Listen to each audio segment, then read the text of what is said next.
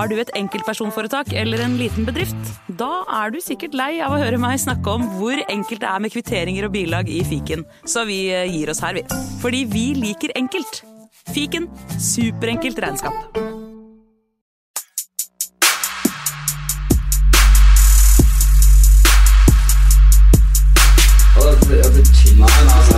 Hei, karer, hysj, hysj, hysj. Det er faktisk sånn at det kanskje er noen som har lastet ned der. Nei, nå må vi bli ferdig. La meg bare få spilt inn her, da. Velkommen til fotballuka!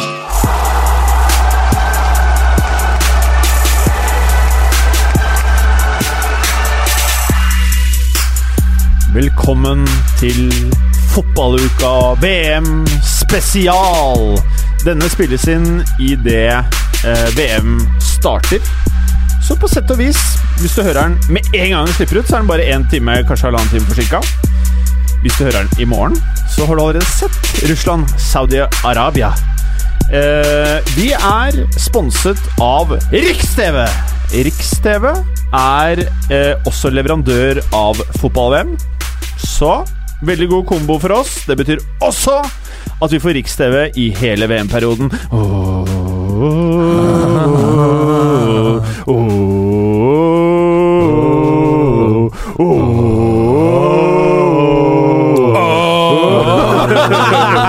Og med det så er vi i gang. Eh, vi er som sagt eh, vært så heldige at vi har fått eh, den ultimate sponsor på fotballuka i eh, VM-perioden. Det betyr også at vi kan jo i prinsippet se Russland, Saudi-Arabia i studio nå. Og det gjør vi. Nesten. For jeg så du tok den ned, eh, Gallosen. Ja, det Hvorfor gjorde du det? vi- Du har et program du skal drive og følge, du, eller? Ja. mhm. eh, jeg holdt på å si, Preben eh, vi- har jo prata mye om dette her med at eh, det som er vanskelig når man eh, skal følge med et helt VM-mesterskap, det er jo at eh, det er mye reising i eh, starten av eh, juli. Det er jo midt i sommerferien, er midt og i det er mye arrangementer. Blant annet så har jo damene i nabolaget mitt De har funnet at de skal gatefest nå på lørdag. Eh, heldagsøvelse. Og det er en dag hvor alle mine, eller flere av de lagene jeg følger godt med på, skal spille. Du har eh, Frankrike skal ut i en eh, match der mot Australia. Argentina, som egentlig har vært mitt favorittlag i, siden Batistota-tiden. Eh, skal Jeg, spille. jeg, jeg er veldig skeptisk til Argentina. Veldig skeptisk til det også, men jeg heier på de rett og slett pga. det gamle Argentina, som sitter litt igjen. Så skal Danmark spille, kult å se hvordan eh, de får det til. Og så kommer Kroatia helt på slutten Mm. også. Så eh, uten den appen vi har vært så heldige å få nå fra Riks-TV, så hadde jeg vært helt sjanseløs der. Så jeg skal nå sitte under bordet og, og smugtitte hele mens kidsa løper rundt og i det hele tatt. Men det der er faktisk litt eh, blessing. Eh, jeg driver og maler leiligheten, for jeg skal eh, flytte inn sammen med kjæresten min. Gratulerer. Tusen takk. Eh, dog så er hele stuen malt i kalk. Hvorfor, så, må, hvorfor så- må du male den for det? Eh, nei, fordi at hun ikke syntes at det var fint nok sånn som den var. Hva med Altså, de det, var, det, var ikke sånn, der- det var ikke sånn ungkarslukt som bare Den må fjernes! Har du sett uh, leiligheten din så sånn som med de røde gardinene der i studio? Har, har det gitt deg noe inspirasjon til uh, Det så så skjevt ut! Du kan jo komme med et forslag. Men i hvert fall poenget mitt da var at uh, når vi uh, da fikk vite at uh, vi skulle få masse deilige VM-løsninger fra Riks-TV, så spurte jeg Kristine med en gang Er det greit at jeg vatter opp iPaden og Chromecastere på TV-en mens jeg maler. Og det gikk med nød og neppe, og jeg fikk et ja. Og hun sa faktisk at eh, VM er en ting hun også kan følge med på, selv om hun ikke er glad i fotball. Så har du en del andre kanaler med der òg. Mhm. HBO Nordic kom på pakken nå. Ja, det er ganske sweet. Ja, det er Over sweet. 30 kanaler, så hun har litt å se på, hun Ja, òg. ja. Men altså, det er akkurat kommet ny sesong av eh, Billions. Dritfett, akkurat som de to andre. Og det Ja. får du rett i eh, I ja, på, ja, Rett i åra, skal vi si, på kjøpet. Fantastisk. Jo, men altså, det er eh, Og tenk deg så mye annet bra der.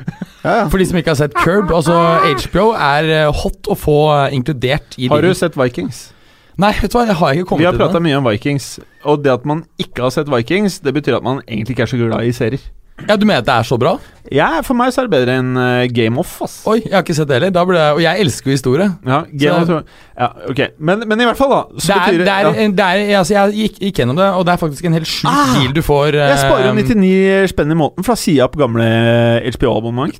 Det er riktig. Det er akkurat det jeg også uh, akkurat har gjort nå. Gull, ass! Ja, så det er det som er fantastisk. Ja, det er dritdigg. Det, det, er ikke, det, altså, det gir også en positiv effekt på eh, hus, husstandens eh, kontantstrøm. ja, Så du får på en måte i, i 1200 spenn i året, faktisk. Ja. Mm.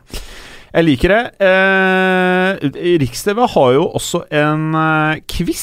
Og dette er det beste av alt, for dette kommer, kommer lytterne våre til gode. Ja. Kan du vinne dette her? Åh, dere lyttere.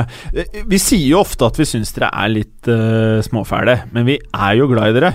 Eh, og nå skal vi faktisk, eh, selv om dere aldri har betalt oss en krone for å drive med dette her, så skal vi nå eh, gi dere en ganske god mulighet til å få masse juice eh, rett i eh, fotballhjemmet deres. En ting til du Ja, får også noe inkludert, det er jo Viasat Sport, som også faktisk kommer Ja. på, på kjøpet. Via, Så, via sporten. ja, Viasport. er Champions det ja. League og La Liga. Oh yeah! Mye sweet. Så ikke bare VM, men uh, mye annet uh, juice. Uh, på rikstv.no så er det en quiz. Og den quizen, eh, den, har, den har du tatt, uh, Mats Berger. uh, ja, jeg vil ikke svare på resultatet mitt, men eh, du kan gå på Twitter og finne det ut. Så kan du selv vurdere om du var imponerende eller ikke. Og hva heter den der Twitter-kontoen? Du bruker jo Twitteren din så mye at det er, det er vanskelig å finne frem til tweeten du kanskje har lagt ut. Ja, for det kommer så mange nye tweets hele tiden at det bare ruller og går. Det er det eneste sånn ruller. Ja. Eh, jeg er der inne nå, Berger, på Ta- Tamino82. Tamin82, ja. Ja. Og der står det Tamin82. Ett poeng har du fått, og det er litt som en Mini Jacobsen-salto. Du lander så vidt på beina, men det var ikke særlig imponerende. Nei, men jeg tok i hvert fall, fikk i hvert salto, da. Ja. Jeg kunne fått minuspoeng. Uh, og da, lyttere, så skjønner dere kanskje litt av greia her, for at uh, Det vi da ønsker, er jo selvfølgelig å se Jeg, vet du hva? Jeg tror faktisk at det er noen av de der eh, lytterne våre som klarer å slå ett poeng. Ja, altså, Men- jeg, jeg, dette er jo mitt første forsøk. Det skal tas Ja, med. ja. Og um, lytterne har jo flere forsøk. Ja.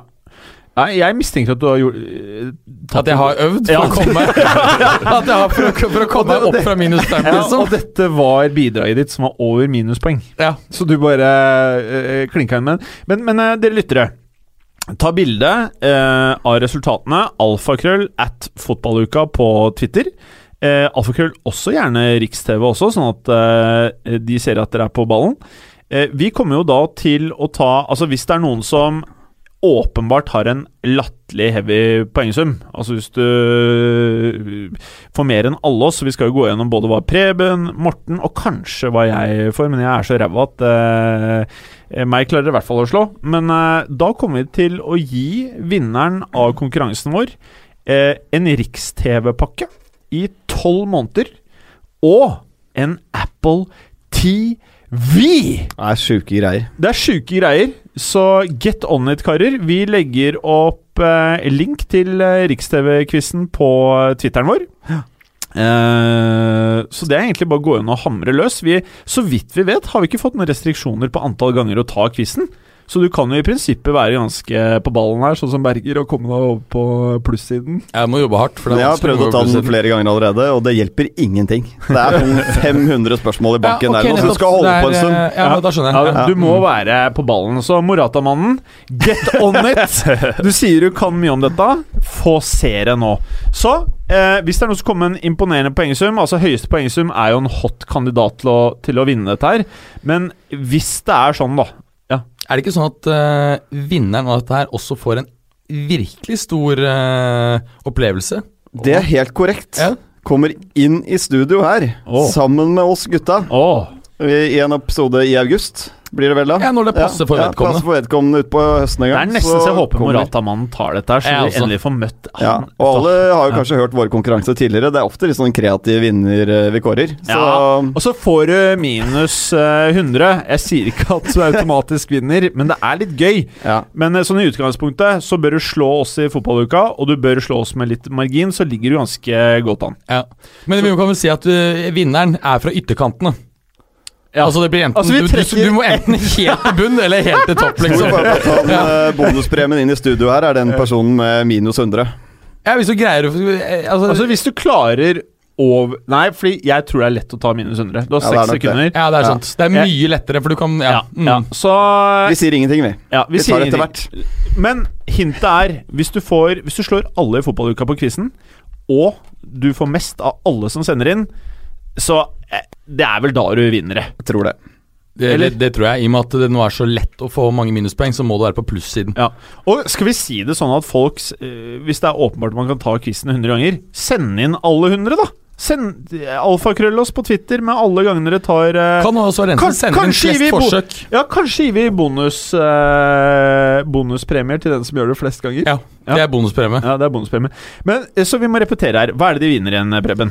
For dette her er jo Det er nesten litt for sjukt. Ett års abonnement eh, med Riks-TV, altså Rikspakken til Riks-TV. I tillegg til det en Apple TV Ja. 4K. Er det det heter? 4K. Ikke at det sier meg veldig mye, men I think eh, it's very fast. Fire tommer, er det det betyr? Nei, fire K er jo 4000. Jeg tror- Ja, ja, ja det sannsynligvis 4000. Men betyr det at det er større, bedre oppløsning eller raskere? Alt. Ja, det er begge Det er deler. det sjukeste som fins. Høyst. Ja. Så Morata-mannen, hvis du vil se Morata bomme i stor og høy og god eller rask oppløsning, ta så gønn på her. oppløsning. Men uansett, eh, takk til Riks-TV. Det blir mye. Eh, eh, vi må vel si at eh, hvis Moratamann ønsker oss å se eh, Se, se Donoroma fomle inn ballen For nå er det snakk om at de skal bytte Og det kan faktisk gå igjennom. Ja, jeg vet! Det er enda verre for Ja. han. Altså Han har gått så i regress siste tolv månedene. Ja, ja. Han er jo talent, eh, så det kan bli bra. Men eh, det kan bli litt fomling på Men tenk deg om de beholder Morata og får Donnarumma. Altså, det, øh, Da begynner vi å prate. Og øh, Bakayoko blir ankeret fremover. Og good. Fabregas. ja. Og så er det drinkvåteren på benken og Barkley fremover. Ja, og ikke min- Og ikke minst, Yeah. og ikke minst Abramovic, som har eh, snurpet igjen sekken fullstendig. Så eh, ja, det kan bli spennende fra Ja, høsten for uh, Men i alle fall, da. Vi er, vi er, nå ferdig med en intro. Det tok oss 11 minutter og 42 sekunder. Det er ikke gærent, det. Det er ikke gærent. Det Oi, er, ser den dårligste headingen jeg har sett noen gang. Ser du på kampen, Mats? Ja, nå får jeg det faktisk inne. Og kan du ha den her? Så Ja, kan nei, se for det, nei, for det er jo den jeg skal Men kan du ha den litt på skeie? er Ja, greit, Ja, sånn, ja. Åh, veldig bra, Berger. Så da ser vi hva er stillingen her, da. 1-0 til eh, Russland. Å, straffe, eller? Til Saudi? Dette ja, det er straffe til Saudi. Igjen, dette er Det det som kalles god radio. Ja, ok. Nei. Så vi går videre. kampen. Eh, med andre ord, forventer dere masse Riks-TV-greier. Send inn uh, quizen. Vi legger ut link på quizen, som sagt, på Twitteren vår. Kanskje legger- Facebooken nå, eller? Og Ja, men jeg vil at folk skal svare på Twitter. Må ha alt svar på ett sted. Ja, alle på det Twitter, men vi legger den ut overalt. Ja. ja, Vi legger den ut på Facebook også. Vi kommer også til å legge ut et lite spørreskjema. Svar på det! Eh, Preben, Ja, VM er i gang. det er det. Eh, hvor lenge har det vært i gang, Berger? Nå ser det ut som det har vært i gang eh, drøye halvtimen. Drøye halvtimen. Har du VM-følelsen, eh, Prebsti? Den har kommet nå. Den eh, har vært helt fraværende inntil siste uka nå. Man har merket at det har bare bygget seg opp mot eh, ikke nødvendigvis åpningskampen. Det er ikke Russland-Saudi-Arabia jeg har sett mest frem til i VM. Eh, det, må jeg, det må jeg lov å si. Eh, det er mer morgendagen eh, som gjelder for min del. Da smeller det ordentlig i gang. Og, og bare for å minne om det, det er da altså Egypt-Uruguay. Og Uruguay er vel et av de lagene jeg gleder meg mest til å se. Det er litt sånn hipstret uh, og fint. Du vet ikke helt hva du får, Nei selv om det er solid på papiret. Men Ja, så har de en, har de jo en veldig jeg. Jeg, jeg så tror det kan bli veldig bra. En ting er jo spissparet, og, og vi vet jo hvor god eh, Diego Godin er, men det er også en interessant midtbane, bl.a. med Lucas Torreira, som har slått voldsomt gjennom i Sampdoria eh, i år. På vei til Arsenal Eh, ja, antageligvis. Eh, nå, nå hadde jo, um, hadde jo Napoli eh, Bentancour i Juve, men altså, bare for å ta litt om, om Torreira. Han er en defensiv midtbanespiller. Var opprinnelig en trekartista hengende spiss, altså eller offensiv midtbane sentralt. Ble omdannet av um, tidligere Lazio og um, Milan-back Massimo Oddo eh, i, i Pescara. Han husker jeg Oddo var bra. Ja, han var flink, han veldig bra i, i Lazio. Slo, var ikke like bra da han kom til Milan, men uh, han var Pescara-trener og, og omdannet uh, Torreira. Han uh, var den Han, han hadde 2,8 Altså Denne sesongen hadde Torreira 2,8 taklinger i snitt per kamp, samtidig som han skapte tror jeg 38 sjanser gjennom sesongen. Så vi snakker om en, en, en spiller som skaper mye, men som også er god bakover. Trenger legger- Arsenal, ja, sånn. ja, ja. Og når du legger til Bentancour, som ikke spiller fast for Juve på noen som helst måte, men som har fått en del innhopp og også spilt fra Ja, han er start bare 20, vel? Bare 20, eh, fra start i noen Champions League-kamper. Spiller med stor autoritet og, og veldig veldig spennende spiller. Så eh, jeg syns Jeg har alltid hatt en svakhet for Uruguay. Både som uh, land- og fotballag, så, så, altså, De klarer det Norge ikke klarer, på en måte? da Ja, ja, det er snakk om tre millioner mennesker. Ja, uh, ja. ja. Fantastisk ja. fotballkultur. Ja, ja. Og et lag man det er lett å sympatisere med, selv om de har Absolutt. en liten fæling på toppen der. Ja, men jeg syns ikke det er vanskelig å sympatisere med for det. Og så er det jo et herlig liberalt land som ligger sant, i en flott region most mellom Syd-Brasil og ja, så Montevideo og Buenos Aires ligger jo på en måte på hver sin side av utløpet av Rio de la Plata. Flott, uh, flott sted, altså. Folk sier det er ålreit uh, caber der?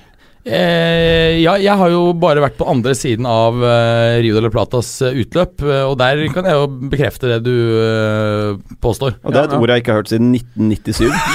Nei, ikke Hva er det neste du kommer nå? Siste, siste jeg hørte det, var når folk gikk med sånne høye platåsko som et buffalo. Det er riktig. Da gikk jeg på ungdomsskolen. Det har faktisk begynt å dukke opp igjen på min arbeidsplass. Har det det? Ikke blant elevene. Blant de ansatte? Ja.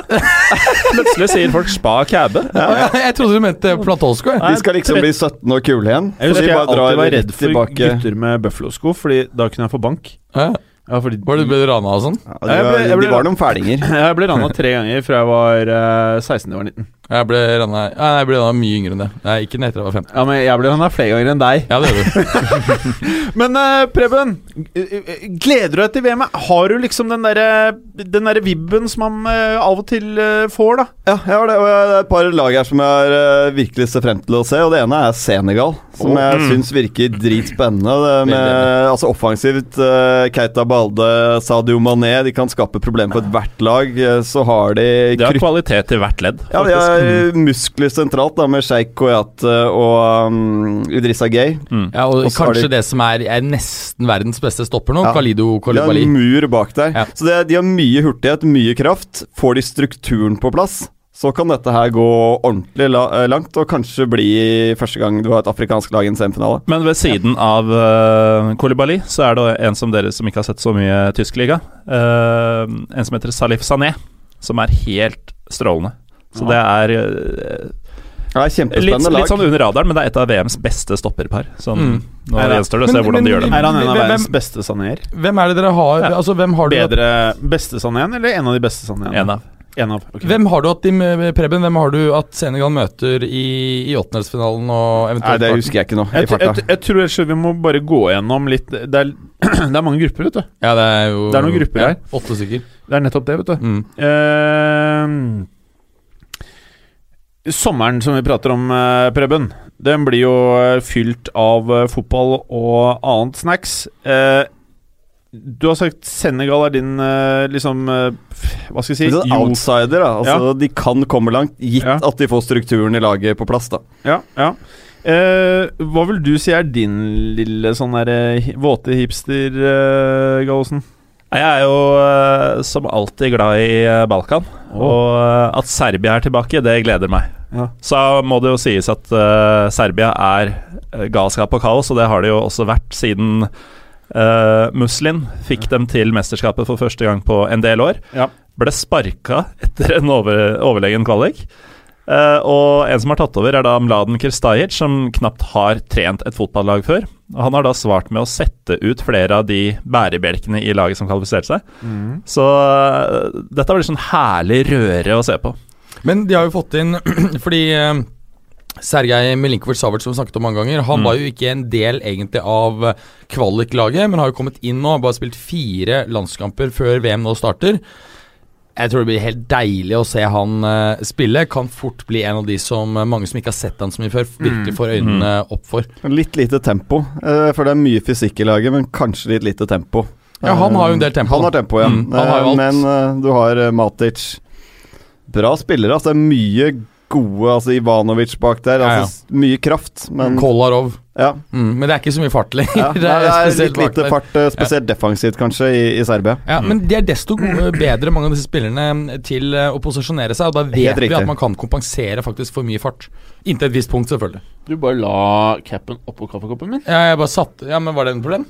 Ja, skal du drikke av den? Ja, det var det som var planen. Okay, ja.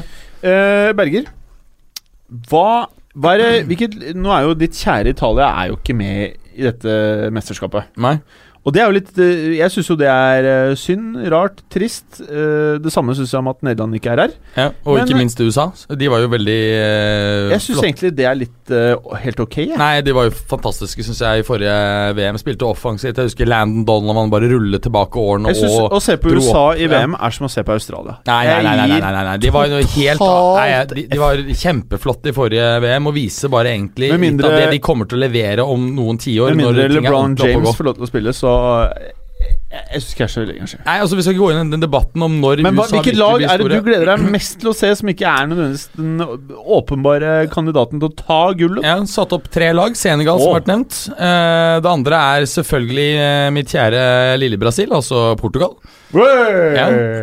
Og eh, jeg mener at det er et veldig godt tegn når de portugiserne jeg kjenner, slakter dem fullstendig med at dette er bare ræl og dritt. De har ikke forsvarsspillere, de har ikke backer, alt er katastrofe, Ronaldo er for gammel osv. Da ser det egentlig ganske bra ut. Og så har du selvfølgelig mitt andre kjære, Colombia. Fantastisk, og da får vi endelig Falcao. Han er selvfølgelig ikke den spilleren han var for ehm, fire år siden, før han ble skadet, men han er veldig mye bedre enn for to år siden.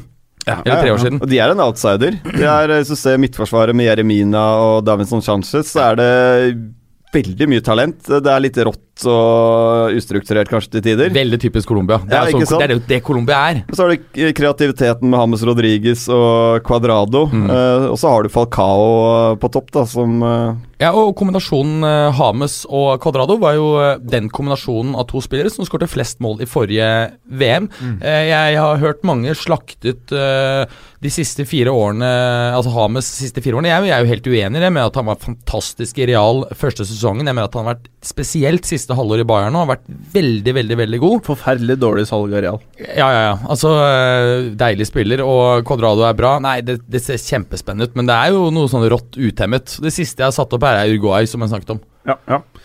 Eh, veldig bra. Jeg tror vi skal gå rett på gruppene, og da er det jo naturlig å starte med gruppe A, Gallosen. Her er det jo Hvis man velger å se på det på en positiv måte, så er det mye potensielle hipsterlag.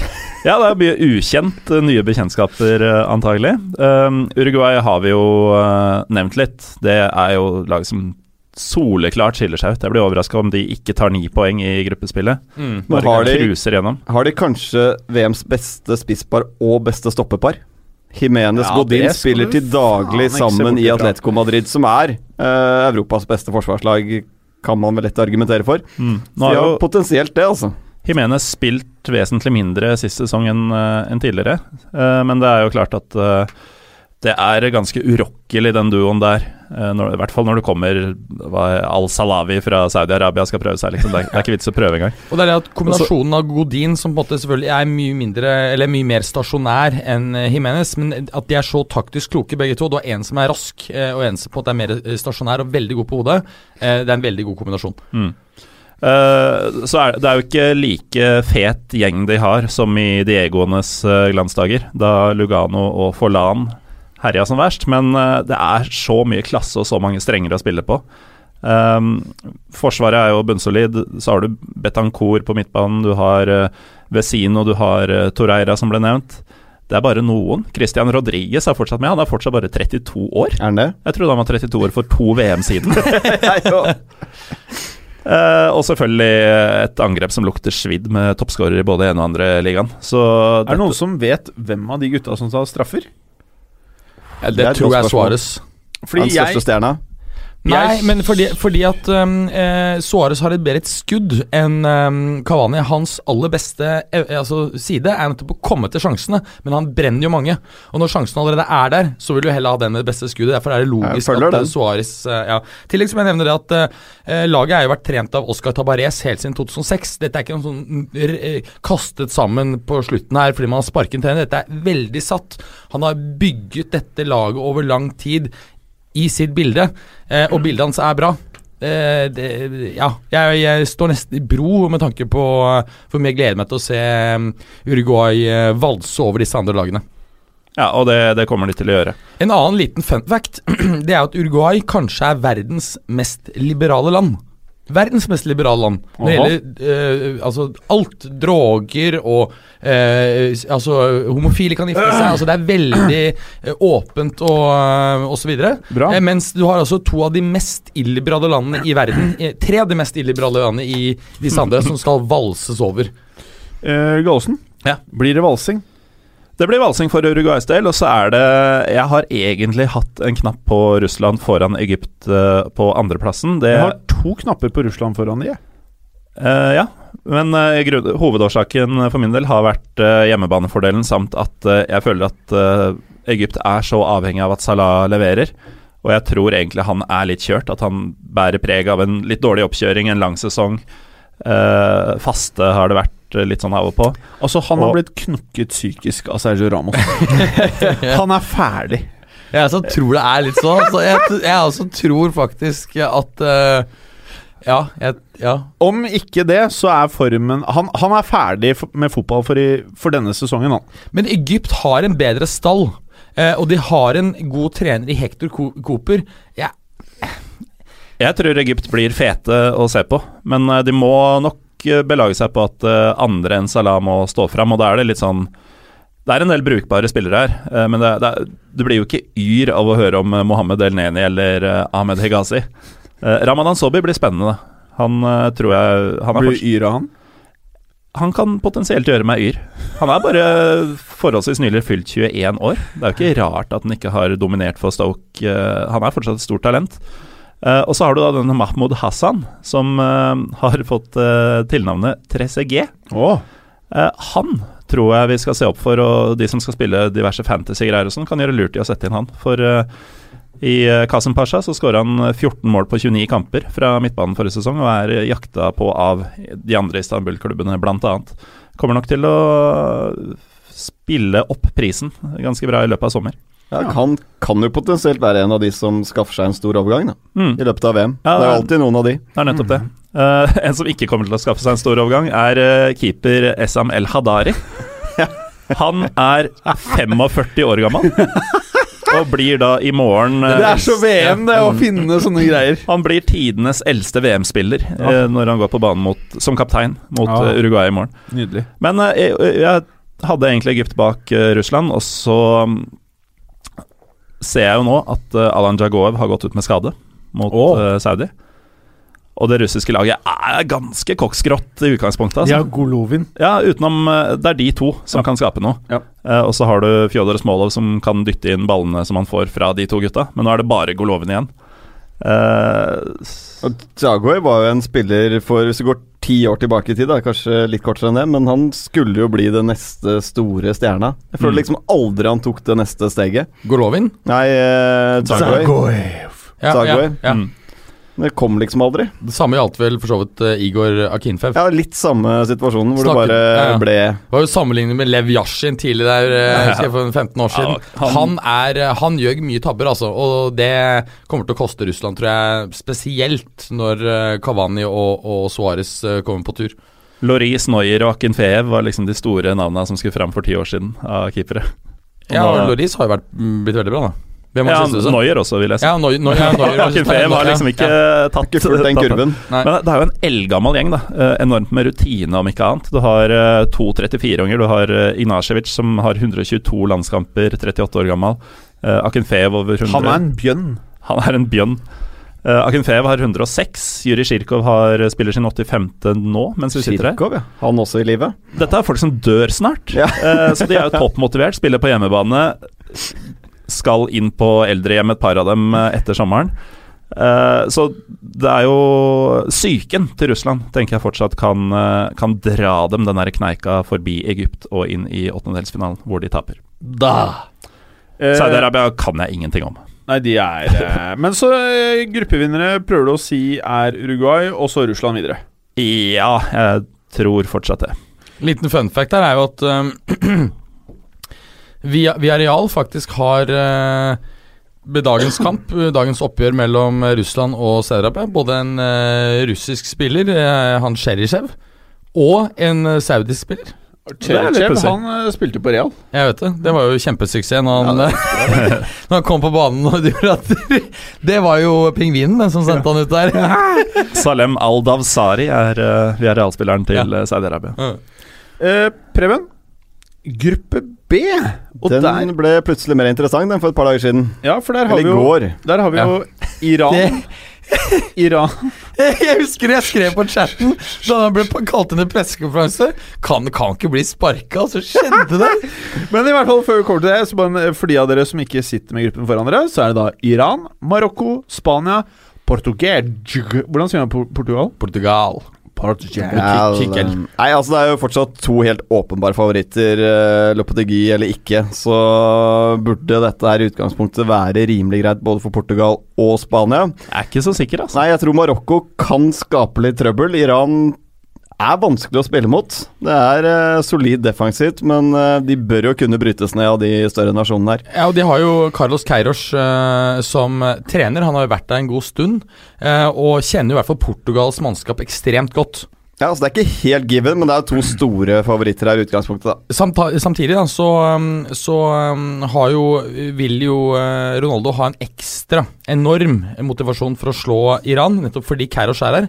Han unnlot jo nemlig å stemme på Ronaldo ved oh. sist Og det er jo en, det Du husker jo, Ronaldo. Ja, det, det er det. husker han. Altså, la meg si det sånn, i hans hode så er jo det bare en av de Fienden. Det er en dødssynd. Altså, det er som er å spille på Barcelona. Ja, ja, nei, når du er portugiser, ja.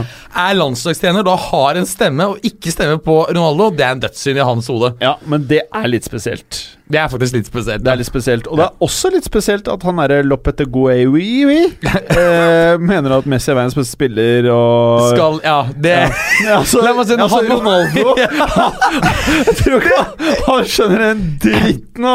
Vi husker jo hva som skjedde eh, ja, noen få måneder etter at pingvinen, altså Benitez, fikk spørsmål på første pressekonferanse. Hvem er den beste spilleren du har trent? Er det Ronaldo? Nei, ikke nødvendigvis. Jævlig smart! Liksom La meg si sånn, jeg skal like å se han mannen spille sjakk. Det er vel ikke akkurat noe eh, taktisk uh, Han hører smart. nok bedre til i Newcastle, han der, ja. Han er mer i Newcastle og Liverpool-materiale. Ja. Nei, Preben?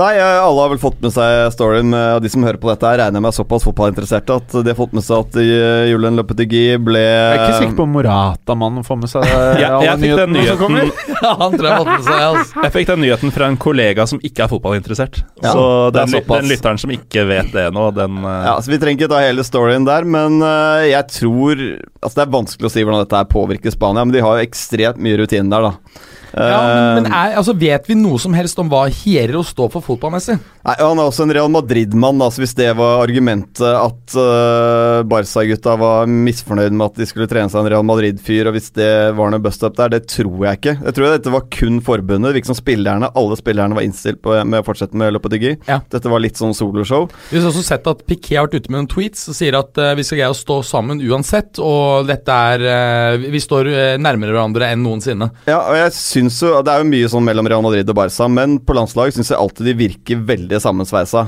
Jeg tror de er gode kompiser, faktisk. At de er, har et godt forhold, alle sammen. De har rutine, de har Ramos, de har Piquet fortsatt, de har Alba der, de har Busquets. Uh, Isco begynner jo faktisk å bli ganske rutinert, han også. Så har de også med um, Alvaro Odriozola. Uh, de har med noe nytt her også. Ascencio kan uh, fort Jeg ser for meg at han får Eh, en viktigere rolle utover i mesterskapet. Jeg er helt sikker på at han kommer til å komme inn på i noen matcher nå og være så god som vi alle vet han er. Så er han plutselig en starter i en eh, semifinale mm. for eh, Spania. Mm. Altså fordi det som har skjedd, det kan slå begge veier. Du kan få en sånn oss mot verden-greie, eh, som vi så at Italia fikk. Ja, det er jo de to siste gangene de har vunnet mesterskap, både i 2006 og, og 1982. Ikke sant? Og, og, at det da på en måte klaffer alt. Eller så kan det ende opp med at vi har misforstått dette, og at det er gnisninger i troppen. Jeg tror ikke det er tilfellet. Siste alternativ er selvfølgelig at spillerne er uh, forent, men at Hierro ikke står for det samme. Fordi uh, Julen Lopetegui han står jo for en type tikki taka-fotball. Eh, hva Hierro står for, det vet jeg ikke. Nei, Han har jo vel hatt eh, en trenerjobb i Real Oviedo. Ja. Uh, det er vel det han egentlig har å, å vise til. Kommer fra stillingen som sportsdirektør i det spanske forbundet. Uh, men en annen fyr som er spennende å se, er jo Jago Altså, Aspas. Som Du er ikke verdens beste trener når du kan trene en trenerjobb på to dagers varsel. Nei. Nei. Da er du ikke Men, men det, det, hvis han er smart, så går han inn og så sier han eh, Nå må vi bare kjøre videre på det som har ført oss hit. Vi må ikke nå endre taktikken. Altså, Eh, null nedside for han, ja. Altså, det- det- Vi husker jo det i VM 2006, da eh, Frankrikes tropp i, i realiteten eh, eh, droppet å høre på treneren. Ja, de at- ville jo bli slått ut. Bare på pur faen, virket det som. Nei, ja, nei, han Raymond Domenech Han Ja, ja. hadde jo ingen respekt hos Nei, spillerne. Ikke sant? Og Det var i realiteten Lillian Turam, Claude Makelele og Zidane som tok kontroll på lagmøtene og sa at vi spiller sånn og sånn, vi gjør det og det. liksom Fuck han der som sitter på benken.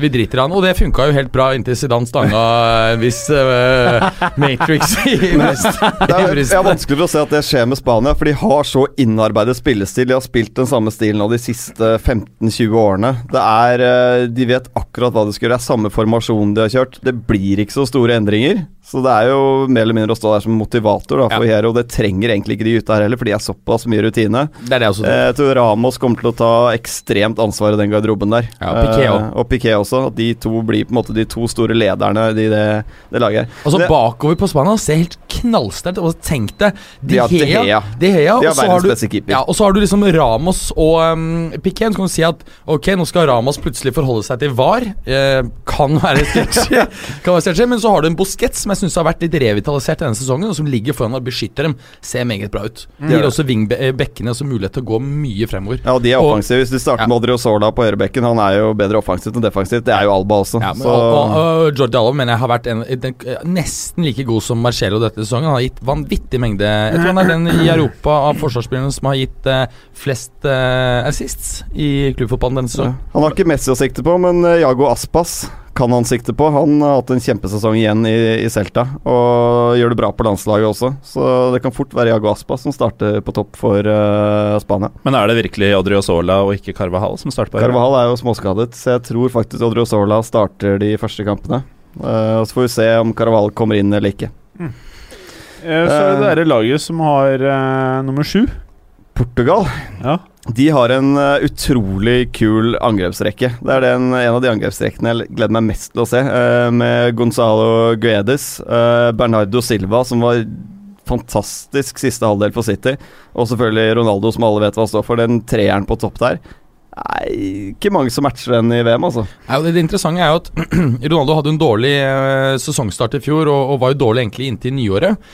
Eh, veldig taktisk smart med tanke på at han allerede hadde vunnet Ballon d'Or slik at eh, etter forrige Champions League-seier, så det var ikke egentlig nødvendig å prestere første halve sesongen. Og spørsmålet er Ok, han sluknet litt siste par-tre kampene for Real, men jeg tror han er i form for første gang i karrieren i et mesterskap. Dette skal bli fantastisk å se når han har såpass gode tilretteleggere. Eh, så har du i tillegg André Silva, som vel er eh, og, ja, og, Selv om han ja. var dritt Jeg eh, tror det blir Milan, benken i, fra start for Silva. Ja, hvis men han kan komme innpå, og når Ja. de andre er slitne, for han er ikke så veldig mobil, og da kan hans uh, pasningsregister eh, være svært viktig. Jeg tenker utfordringen til Portugal er eh, defensivt i midtforsvaret. Det er, altså PP holder fortsatt nivå. Nå har ikke jeg sett alle uh, Besjiktas-kampene i år, men eh, jeg går ut fra at han fortsatt er på et stabilt, ålreit nivå. Ja, men det er jo de tre som kjemper om stoppeplassene. Fornt blir det sannsynligvis. Jeg ser det. Det er jo 34, 35 og 36 år gamle folk som spiller i henholdsvis Kina, Tyrkia og Skottland. Ja, de har vært Ja. over middagshøyden i Ja, flere det er, sesonger, eh, alle sammen. Men samtidig så vet vi Det er noen at russiske tendenser der. Ja, men, men samtidig så vet vi at forsvarsspillere kan rulle tilbake årene Ja, jeg eh, tror det i, i noen sånne kamper. Altså, men tenk deg tilbake i 2006, ikke sant, da Nesta ble skadet. Alle tenkte å nei, nå blir det til helvete. Cannavaro greit nok, beste forsvarsspilleren av sin generasjon. Eh, men så kommer jo altså da gale Mark Materazzi innpå, spiller som en helt og er en av to spillere som skårer to mål i mesterskapet for Italia. Ikke sant? Og, få, og fikse biffen og få Zidane ut. Så er spørsmålet om de er Men så er spørsmålet om de er gode nok på midtbanen også, Portugal. Eh, Jeg tror de går videre fra den gruppen her, men jeg ser ikke at Portugal går veldig langt i den turneringen der. Nei, jeg har Men, dem eh, helt opp ved semien, jeg. Min hottake er at eh, Marokko blir nummer to foran Portugal. What?! Jeg tror det blir close, jeg også. Jeg tror at uh, Ronaldo kommer til å gå sur, uh, og de har ingen plan B. Han er så stor stjerne at ballen skal til han uansett. Uh, og det blir deres bane. Nei, jeg, jeg, jeg, jeg tror jeg ikke er minner om at uh, de siste mesterskapene så har Portugal vært et av de verste lagene å møte. Mm. Uh, og greit, de gutta er to år eldre. Siden EM Jeg vil si at det blir to år bedre. To år bedre. Mm, mm. PP jeg tror når, det, er, det, her er hans mulighet til å være rampelys igjen. Ja, apropos VAR, mm. så er vel han uh, også i faresonen der. det kan han. jeg tror dette blir eh, bra, jeg. Ja, jeg, jeg, jeg, også tror det. Og jeg, tror at det er en mye større sjanse for at de går hele veien og tar det, enn det folk tror. Jeg, jeg blir ikke helt overraskende. Det er to solklare favoritter her. På tross av at de er mye angrepsspillere, jeg tror de kommer til å skåre sykt lite. Ja, altså, ja, de kommer til å skåre lite mål, så kommer det kjipt å se på. Og så blir straffer. Altså grinder ting ut, liksom. Og så er det sånn De kommer akkurat videre fra gruppespillet, og så etter det, når det liksom er sånn knockout Korfa umulig å slå det ut. Ja, Pepe tråkker bakker og stanger. Og, og det var noen som var i veien, som VAR kan ikke avgjøre. Det ble helt umulig. Nei, må la være. Det har ikke noe, noe. Se, Jeg ser for meg mye bandasjer, mye, mye sånne Jeg vet ikke hva de kommer til å bruke i Russland, om de bruker golfbiler ute på banen, eller sånne sleder, eller jeg tror det blir mye sånn utenomsportslige ting. Ja, ja, det kommer til å bli, og det blir mye, mye stopp i spillet. Ja, Masse stopp i spillet. mye stopp. Og lange mye, kamper. Ja, ja, ja, Med VAR så kan du regne med at det kommer til å være tresifret minuttantall på alle Portugals utslagskamper. Og det er uten at det blir ekstraomganger. Det er uten ekstraomganger. Ja. Bra. Ja, det var det. Ja, den, den gruppen der elsker jeg. Så det kommer til å bli så fett. Liksom. Ja. Tenk deg Portugal mot Iran. Altså, kommer til å bli slåssing. Ja, ja, det kommer til å bli uh, Pepper med kvelegger og så fyr ja, ja. jiu-jitsu-grep. Altså, der kan de ha trent inn dekk for Kameraene er der, du må stå der. Og de har trent etter klokken tre, fem og sju. Så står de bare sånn litt sånn stort, trekker ut skjorta, og så gjør Pepe noe rart der. Liksom. Han har spart neglene sine så de er lange, så han skal hjelpe ja. folk opp. Så setter han bare de inn i hånden, liksom. Uh, ja. Jeg føler du deg ferdig med. Jeg er ferdig. Bra. Berger, du skal få æren av å prate om Når jeg ser på den, så er den liksom litt rar, samtidig som jeg liker den litt. Den er veldig VM-ete, den gruppa her. Ja, Gruppe C, det er Danmark, Peru, Australia, som ikke burde være i, i VM, basert på uh, ja, Det er helt korrekt. Ja, det, er, det, det, det, er ingen likhet mellom det Australia kan og det USA kan. Altså, for det sånn Nivået her og, fra Australia selv Og siste lag er da Frankrike, som har veldig mye å gjøre i dette VM. Ja. Altså, ja, altså jeg bare får ta Frankrike først. da Fantastiske spiller. Kanskje isolert sett spiller for spiller den beste troppen i hele mesterskapet. Vil jeg si Balanserte, i hvert fall. De er i hvert fall det, det ene landet som kan stille to elvere. Ja, de kan spille to elvere. Jeg synes Kanskje den beste stallen. Eh, men jeg er litt usikker på Deschamps som trener. Greier han å få disse, til å, og, disse fantastiske individualistene til å fungere som et lag? Um, han sliter med å få det beste ut av Pogba, i likhet med, med Mourinho. De har gode resultater i kvalik. Eh, men gruppen var ikke spesielt vanskelig å vinne, spesielt med både Nederland som, eh, som uh, skuffet, og Sverige gikk jo der videre som andreplass i gruppen. Eh, de vinner jo selvfølgelig gruppen lett. Spørsmålet her er hvem som kommer på andreplass. Australia har ikke sjans, dette er for et høyt nivå for dem. Ingen tro på at de har noe som helst å gjøre her, egentlig. Ehm, det er veldig få av spillerne som, eh, som spiller i, på veldig høyt nivå. Um, treneren Bert van Marvik, som tidligere har trent Nederland, tok over etter at den forrige treneren ga seg frivillig etter kvaliken og heller ble trener, klubbtrener i Yokohama. Bedre betalt, da. Det, det, er noen som har dratt opp noe, eh, noe cash. Ja, ja. For det var jo et eh, imponerende kvalik de leverte, og så fikk han tilbud, og så sa han bare ciao, for han skjønte at det er ikke noe å gjøre i VM uansett. Og det sier litt. Når treneren altså da hopper av, for han skjønner at det er ikke noe å gjøre i mesterskapet. Ikke sant, Det sier litt. Så spørsmålet er hvem av Peru og Danmark som skal bli med videre. Eh, Peru eh, fikk jo da ha med kaptein og tidligere Bayer, eh, Bayern og, og Hamburg-spiller Paulo Guerrero, som eh, egentlig var utestengt pga. en positiv test på kokain. Oh. og han eh, anket det til Kass. Fikk ja. da forlenget straffen sin. Så han anket han til sveitsisk høyesterett, og de, blant annet i dommen som jeg selv har kikket på, de nevner blant annet at det er siste gang han kan spille. Ja, vi lar han få være med? Han bruker faktisk det i dommen! Den sveitsiske ankedomstolen. bare, Det er siste gangen. Og så, var det det elementet at de mente at han At det var så lite, øh, og at det var ikke prestasjonsfremmende. Ja. Så de var, de var cola. Som bare, Karen er fra Peru, liksom. Hva faen skal du øh, jo, jo, Der brukes dette bl.a. i te og sånn. Det en, det en, øh, ja, det er en annen kultur. Så han drakk litt mye te. Ja, ja, men det er helt sant. Altså, de, jeg skal ikke begynne å dra inn det, men jeg kjøpte jo kjøpte sånn te i Colombia, og så sa jeg det her er ikke noe problem, og så sa de på flyplassen du skal til New York, liksom. Det er ikke Plutselig så ser de annerledes på det der. Ja, ikke sant. Så den vanlige det, teen Det er jo er- teblader. Dette er teblader, Ja, ikke sant. Ja. Eh, Så jeg tok ikke det med, da. Nei, bra. Bra. eh, Eh, men- La oss gå videre der. Men, men, men eh, eh, de har også Jefferson Farfan, som mange antagelig husker. Som- Eh, Jeg trodde var ferdig med å spille fotball. Han var en fantasy-slager på Ja. Champions League-spillet Ja, ja, i ja, ja. Schalke. ja, ja, ja, helt riktig. Han har bakgrunn i PSV og Schalke. Var ikke så helt gæren. Nei da. Nei da. Jeg lurer Men på om han- spilte på den ene vingen i PSV, mens Robben var på den andre. Ja, det tror jeg faktisk stemmer. Mm. Det er ganske vilt. De hadde ganske hot lag, de, da.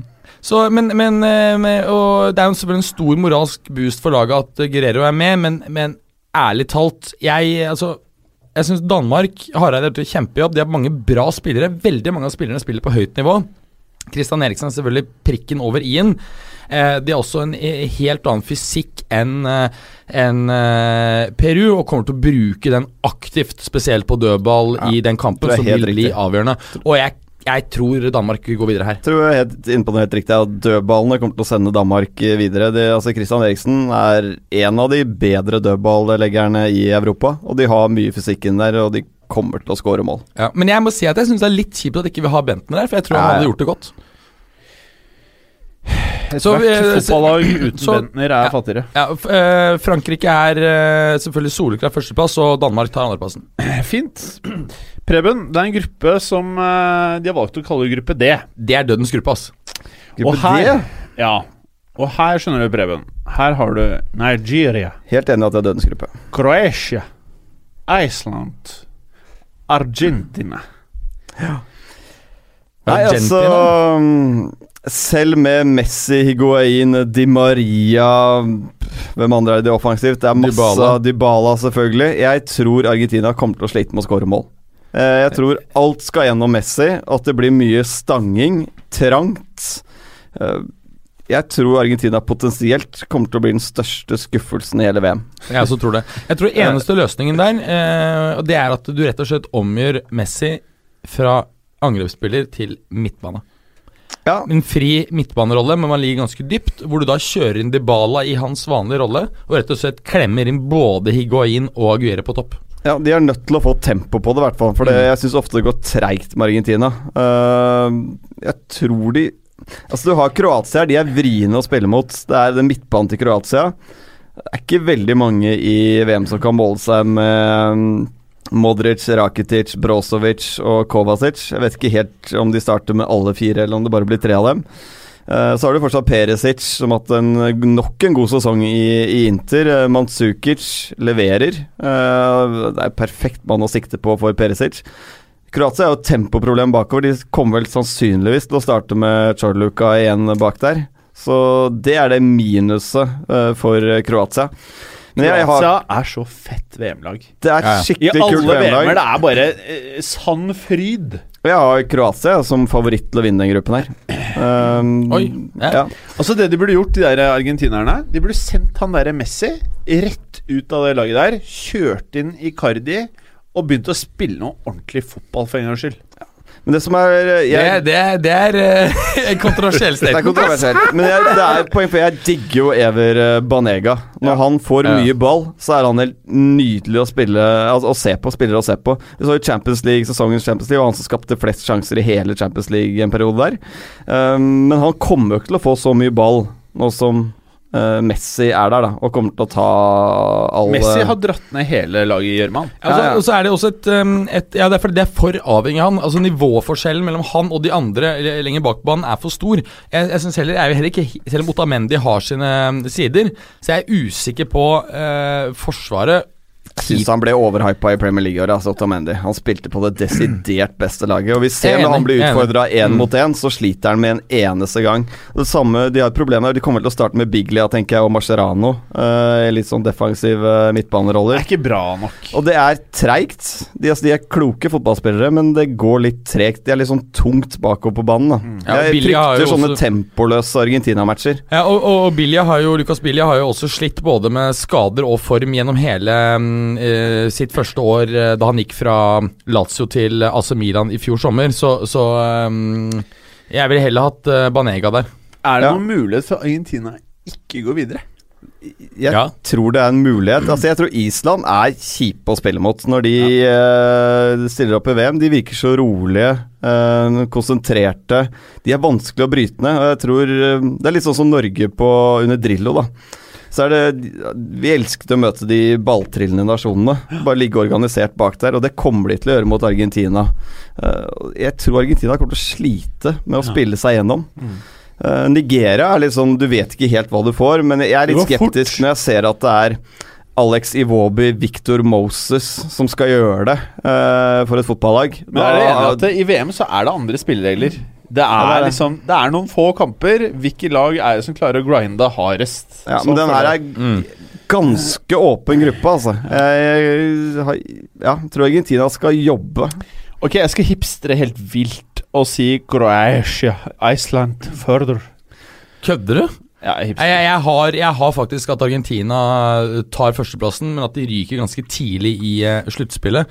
Rett og slett, for jeg tror nivået på de lagene her, eh, og Messi holder fortsatt så høyt nivå at han greier å dra dette her alene. Men når du kommer til taktisk bedre lag, tøffere motstand, så er ikke det nok. Og så har de sannsynligvis Caballero i mål. Ja.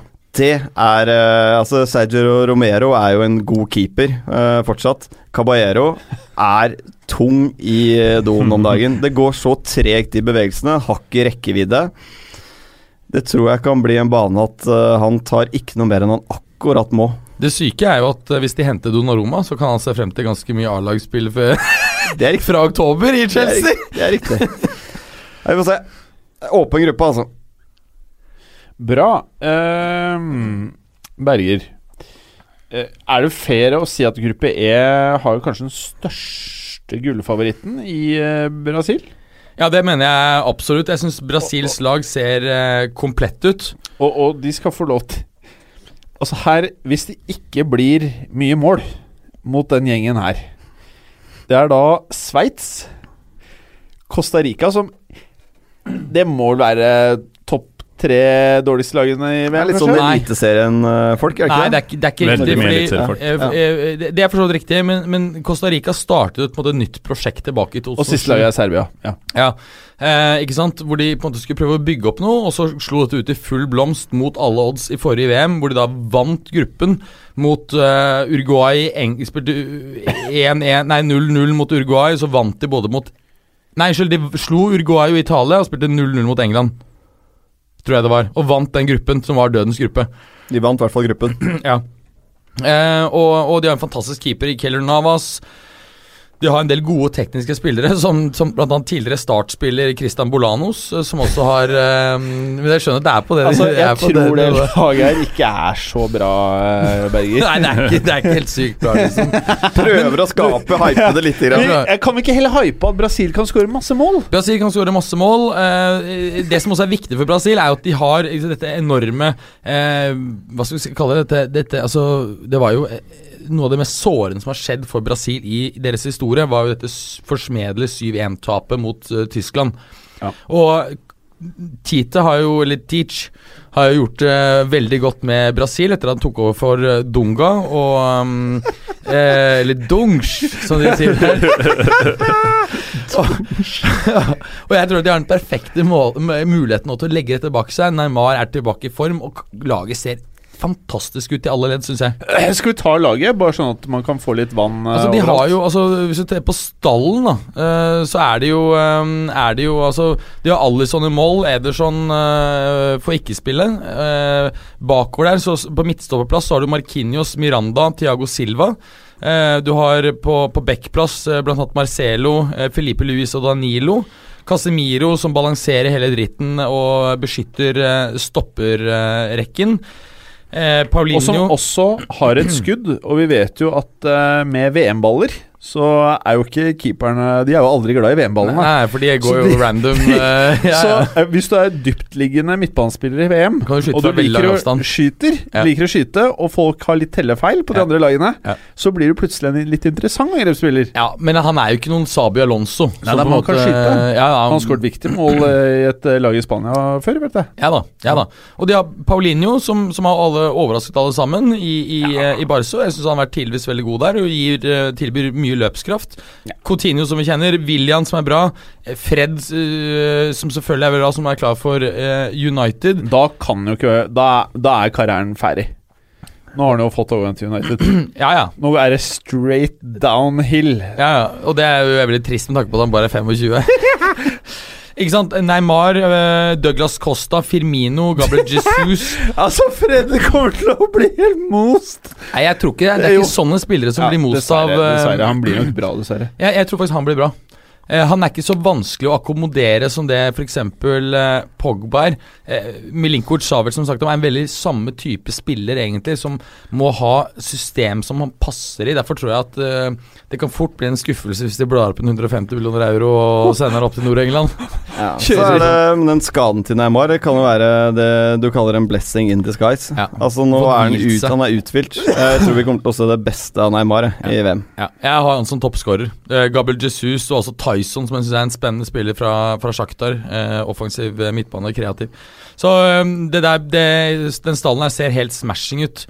Så um, Serbia eh, ser kanskje ikke helt supersexy ut på papiret. Men, men, men det er liksom VM-lag. Det er ditt papir, men det er Balkan-papiret. ja. Men altså for andre så er det, eh, tenker jeg at ikke det ser så sexy ut, men de, de, de, har en rekke gode spillere, bl.a. Milinkovic Savic. Var veldig gode i, i kvaliken. Eh, og det var jo som vi nevnte i stad, vi har jo snakket om det i stad, det var uten Milinkovic Savic. Jeg tror de klart tar, eh, tar eh, andreplassen. Sveits er siste, der er det ikke så mye bra, altså. Charchiri kommer til å gi sitt beste. Han står jo i eh, transfer-utstillingsvinduet og skal ha en ny klubb. Kommer ikke til å spille i championship for Stoke fra høsten av. Så regner med at du kommer til å se en voldsom um, effort fra hans side. Men eh, Brasil tar førsteplassen, kort å skåre mye mål. Serbia tar andre. Faktisk enig med Mats Berger. Helt ja, enig. Jeg føler jeg alltid enig. Gallosen, gruppe F. Her er jo eh, en av de andre storfavorittene til eh, medaljer. Eh, mm. Tyskland, som er i gruppe med Mexico. Jeg trodde vi skulle si Mexico, jeg, siden de har så, hatt så god oppladning med Chicharitos um, bursdagsfest i Mexico det, for, de, for de lytterne våre som ikke har fått med seg det, så, så, så da, hadde de jo da en vennskapskamp, treningskamp som oppkjøring i Mexico City, og Chicharito hadde 30-årslag. Inviterte hele eh, troppen. Det var bare keeperen som var smart nok men han personlig æren, som skjønte oh. hva dette kom til å medføre, og han droppet å bli med. Og det endte jo på å bli en 24 eh, timers eh, fest, men ikke med konene, men med andre kvinner. Ja. Uh, og det, dette ble da tatt bilde av, av paparazzoer, og det er så mange spillere som har blitt avslørt at suspensjon ikke er et aktuelt tema, for da kan de ikke stille lag. Var dette såkalte kvinner av natten? Uh, ja, uh, det er helt riktig. Kvinner av natten. Veldig bra, folkens. Og så er det Sweden og Sør-Korea. Ja. Det er gruppen, altså. Det er jo Tyskland de fleste ser til her. De kommer jo til å vinne denne gruppa, naturligvis. De har i all hovedsak uh, den samme gjengen som ble verdensmestere. Litt uh, oppgraderinger her og der. Uh, men, mest spissplassen i Tyskland, føler du Mest spennende er spissplassen. fordi vi er jo kjent med at Tyskland kjører e- et monster der framme. Uh, trenger ikke være spesielt mobilt eller teknisk, men det skal være en fyr som kan stange inn eh, det som skapes av Øzil, Marco Royce osv. Hva er din favoritt opp gjennom årene til akkurat den posisjonen? Karsten Janker. Ja! ja. du hadde glemt han, du! Ja, fordi det var han jeg skulle frem til. Altså. Han var fin, vet du. Ja, ja. Karsten Janker ligna jo på alle oss tre. Ja, mm. Han hadde litt mer muskler da enn jeg tror oss. Nå har du jo gått litt, vekk fra det, da. Uh, Førstevalget på topp er jo deg, Han hadde din høyde og, og Prebens uh, muskler. Ja, Det er rart Ja. at jeg ble sett på som sånn muskelbunt det studiet her. Det er fordi du bruker så trange skjorter. Det er riktig. Eh, Som er så skreddersydd for å fremheve det. Sånn optisk illusjonsskjorte, det.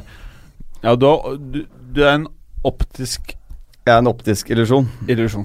Og så er det akkurat alltid bretta opp til der uh, albuen kommer, for, hvor armen er på sitt tjukkeste, så det ser ut som det bare spruter arm ut av skjorta. Janker eller Preben? Uh, begge.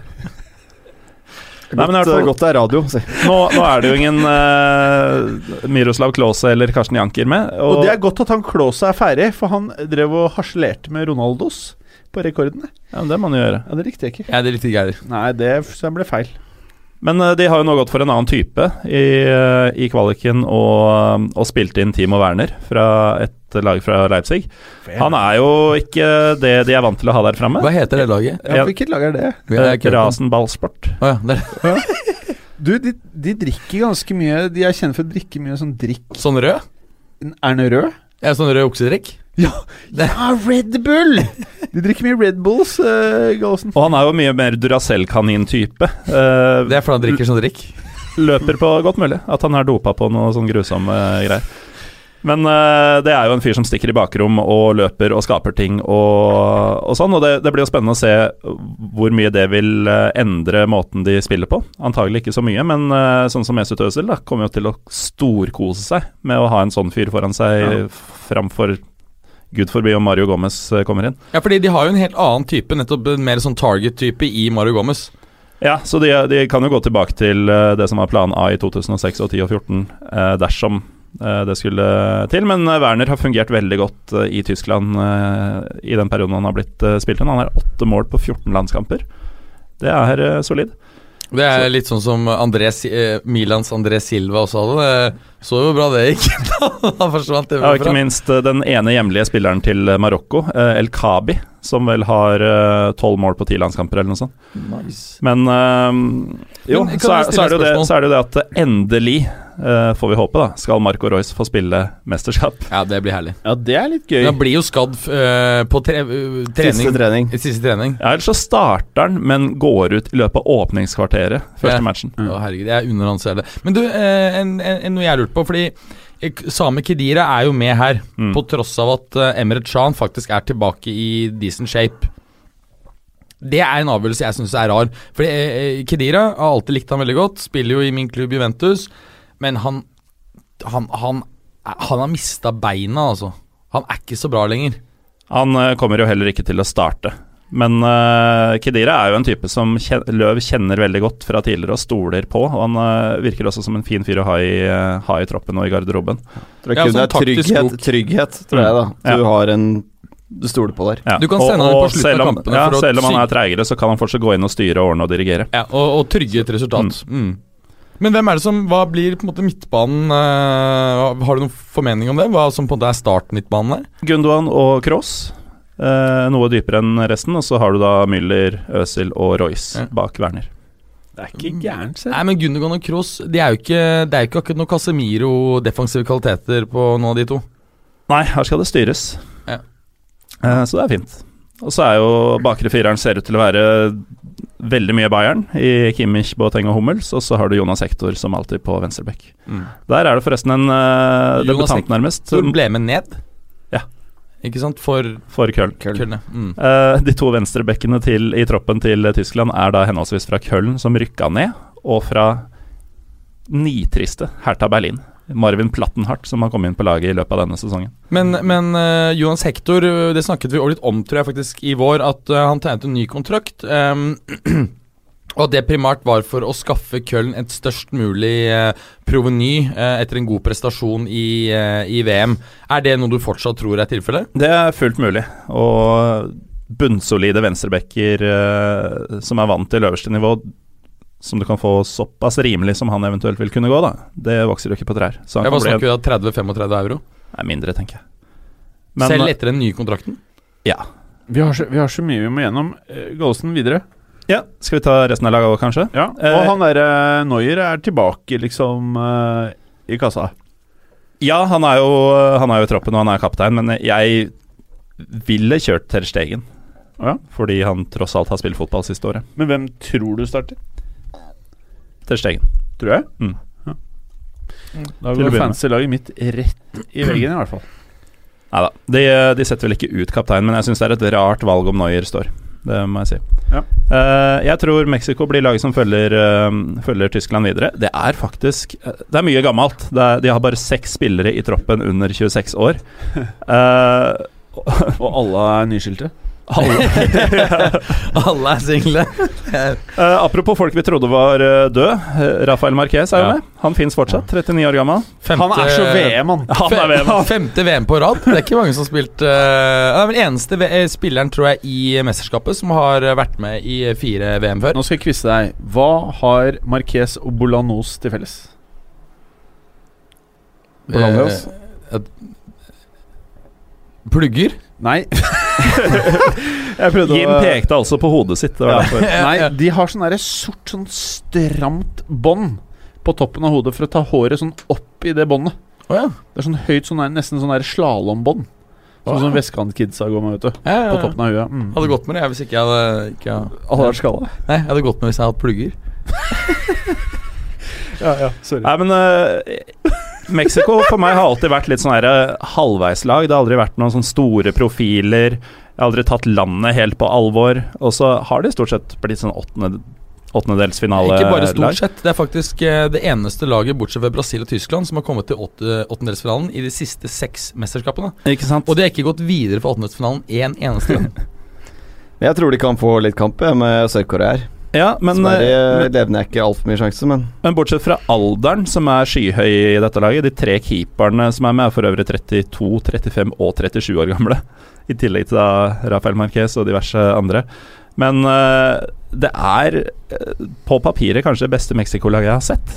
Uh, som jeg kan huske, i hvert fall. Det ser ut til å være ja, Det er gode spillere over hele banen. Veldig gode noen steder. Og så er det denne Hirving Lozano, eh, faktisk bare 22 år gammel, fra PSV. Mm. Han blir spennende å følge. Herlig kantspiller. Det kan være en av de breakout-spillerne som virkelig blir sånn eh, få har hørt om, og som på en måte bare wow, dette er hot. Så er det en annen som jeg alltid har likt veldig godt. Det er jo Hector Herrera, deilig boks-to-boks-spiller fra Porto, Mm. men som visstnok var eh, en av de mest impliserte i denne eh, bursdagsfesten i Mexico City. Du er veldig opptatt av denne bursdagsfesten. Jeg, jeg syns det er så lættis, eh, det jeg skjønner, da Jeg, har litt, jeg får litt rapporter fra, fra Mexico også. Det er jo at det er helt skandale, selv om Mexico er liberalt og så videre, men det er kjipt fordi at de er uh, gift. Ikke sant? Det er det som er caset her. Det er ikke at man fester litt og osv. Det, er- det er liksom det. er liksom Ja. veldig dårlig stil, da. Men skal jeg fortelle dere hva det mest meksikanske navnet i verden er? Nei, gjør det. Det er Jesus Corona. Ja, Og det, fins ikke eh, bare én Jesus Corona i troppen til Mexico, det fins to! Åh Ja, vi må si Jesus, da. Jesus Nei, Corona. jeg må si Jesus. Vi er, vi er i Norge. Det er, Norge. Men det er to Jesus-koronaer. det er ganske greit. Og de har ikke noe flere navn enn det. Eh, jo da. Men José er så. Jesus Corona og Jesus. Jesus Manuel Corona. Mm. Ja, ok ja. Men Fordi i, i, i latinamerikanske land så er det slik at ja, For spansktalene så er det slik at eh, det første etternavnet er jo etternavnet. Det siste det er mellomnavnet. Ja. Slik at de har en annen sånn struktur på navnet enn det vi har. Ikke det er to Jesus Coronaer i troppen til Ja. Mexico. Ja, Er det noe annet som skjer i denne gruppa, eller? Du sa at Sør-Korea kunne gi dem kamp? Ja. Nei, Jeg, jeg vet ikke. altså. Jeg skjønner ikke hva Eller Da må de være helt knust, mange av de gutta her. Liksom. Være supersingle og tenke på uh, Nei, Hva jeg skilsmisse kommer til å koste, liksom. Jeg baserer, Ja. Men jeg, Jeg tror det er på eh, at- de som kan kjempe mot dem. Sverige tror jeg er ferdig. jeg baserer på at Sverige er eh, Det er veldig profilløst. Mm. Eh, det er Forsberg som må gjøre eh, noe mirakuløst der. Uh, eller satse på strukturen. Eh, koreanerne har noen lettbeinte eh, offensive spillere som jeg tror kan skape litt trøbbel for Mexico. Jeg tror dette er veldig avhengig av uh, Hong Min Son. Det er de. Ja. Men eh, er god, altså, jeg tror fort de kan gi eh, Mexico kamp. Jeg tror ikke det er så given at Mexico går videre her. Nei, men jeg har mer tro på Mexico enn enn jeg har pleid å ha. Eh, men det er klart at Sør-Korea det, det er alltid vanskelig å si hva vi får, fordi det er jo en haug med ganske likt utseende navn, og veldig mange spillere som spiller i K-league, J-league osv. som Dette ser jo ikke engang jeg regelmessig. Eh, så det er jo vanskelig å si hvem de er, men eh, Men følger du Liga MX mye? Nei. Fordi det, det er veldig interessant, fordi at Mexico har jo et lag eller altså ganske gode spillere. Og så er spørsmålet hvorfor spiller For jeg har alltid lurt på hvorfor er det ikke flere i Europa? Uh, og årsaken til det er at faktisk at eh, lønningene er veldig høye Uh, i, altså relativt sett ganske høye i Mexico. Det er fordi at uh, ligaen der er tungt sponset av, um, av private selskaper som spytter voldsomme penger inn, slik at det er et høyt lønnsnivå relativt sett til eh, produktiviteten i samfunnet, altså BNP per innbygger. Men det er jo elleve av spillerne spiller jo i Europa. Ja, Men- og, det, men det, det, og det er faktisk ganske uvanlig at det er så mange som spiller i Europa. Sånn som Lozano Lozano, eller hva han heter. Han, eh, eh, han er jo litt eh, Altså, det det, det, er mer- det er blitt mer vanlig nå at de går til Europa, og det er fordi at lønningen i Europa har boomet voldsomt de siste 10-15 årene, mens det ikke har skjedd så voldsomt på lønningen der. Så forskjellen har blitt såpass stor at da hentes talentene ut. Bra. Er vi snart ferdig med den gruppa der, eller? Ja, Vi gjesper oss forbi Sverige. Eh, eneste jeg syns er litt artig der, er at de har ikke med én eneste hjemlig spiller. Hvem- Sverige? Ja. Og de har egentlig Det gir mange seg et godt tegn. ja. De har mange spillere i gode ligaer. Altså, De har mange spillere i Tyskland, Spania, Frankrike, Italia. Det høres jo bra ut, men alle spiller i drittlag.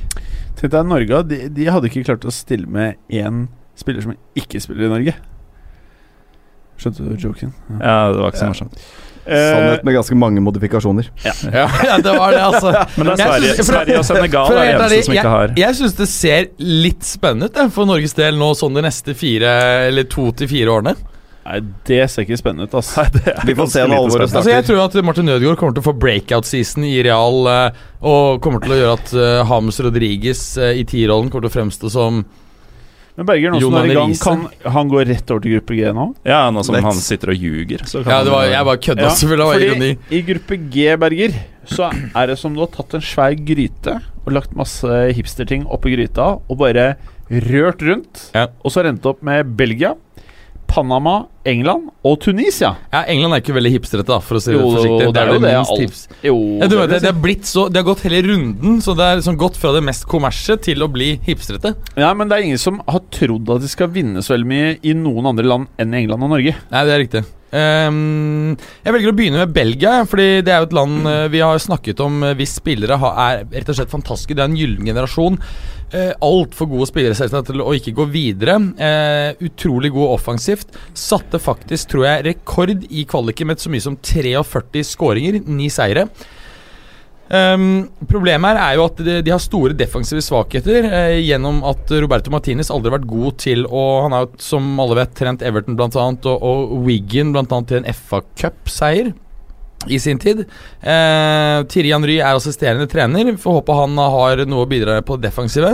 Eh, det interessante er de spiller en 3-4-3-formasjon, hvor eh, du har Alderverelt, Kompani og ehm, Fertongen. Fertongen. øh, og så har du Thomas Fermalen som øh, innbytter. Eh, selvfølgelig en viss risiko for at det kommer skader på disse. Og, og så har du eh, som wingbacker så har du eh, Thomas Munier, som vi kjenner fra PSG, i tillegg til Carasco, som gikk fra Atletico til Kina. Problemet er jo at disse wingbackene er jo helt crap defensivt.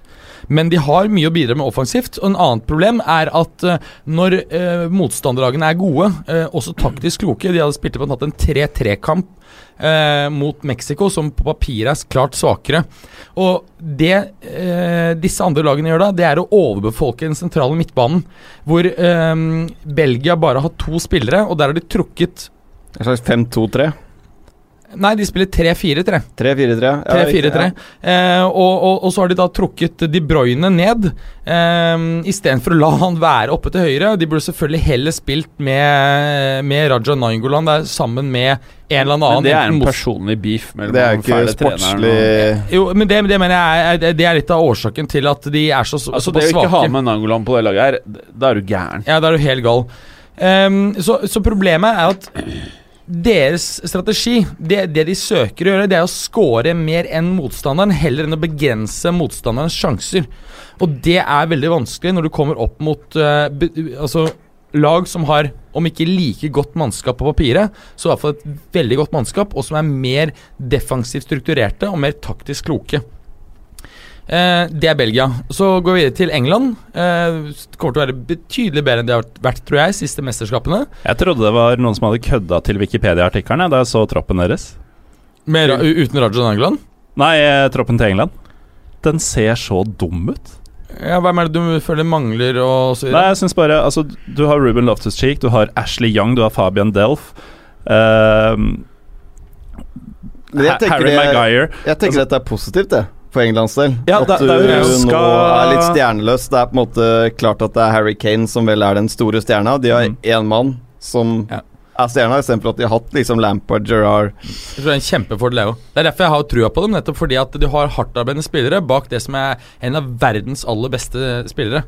Eh, og um, eh, noe som er interessant, som få har snakket om, det er at Pep har de siste to VM-ene trent det beste og mest dominerende laget i den ligaen som tilhører det landet som har vunnet VM.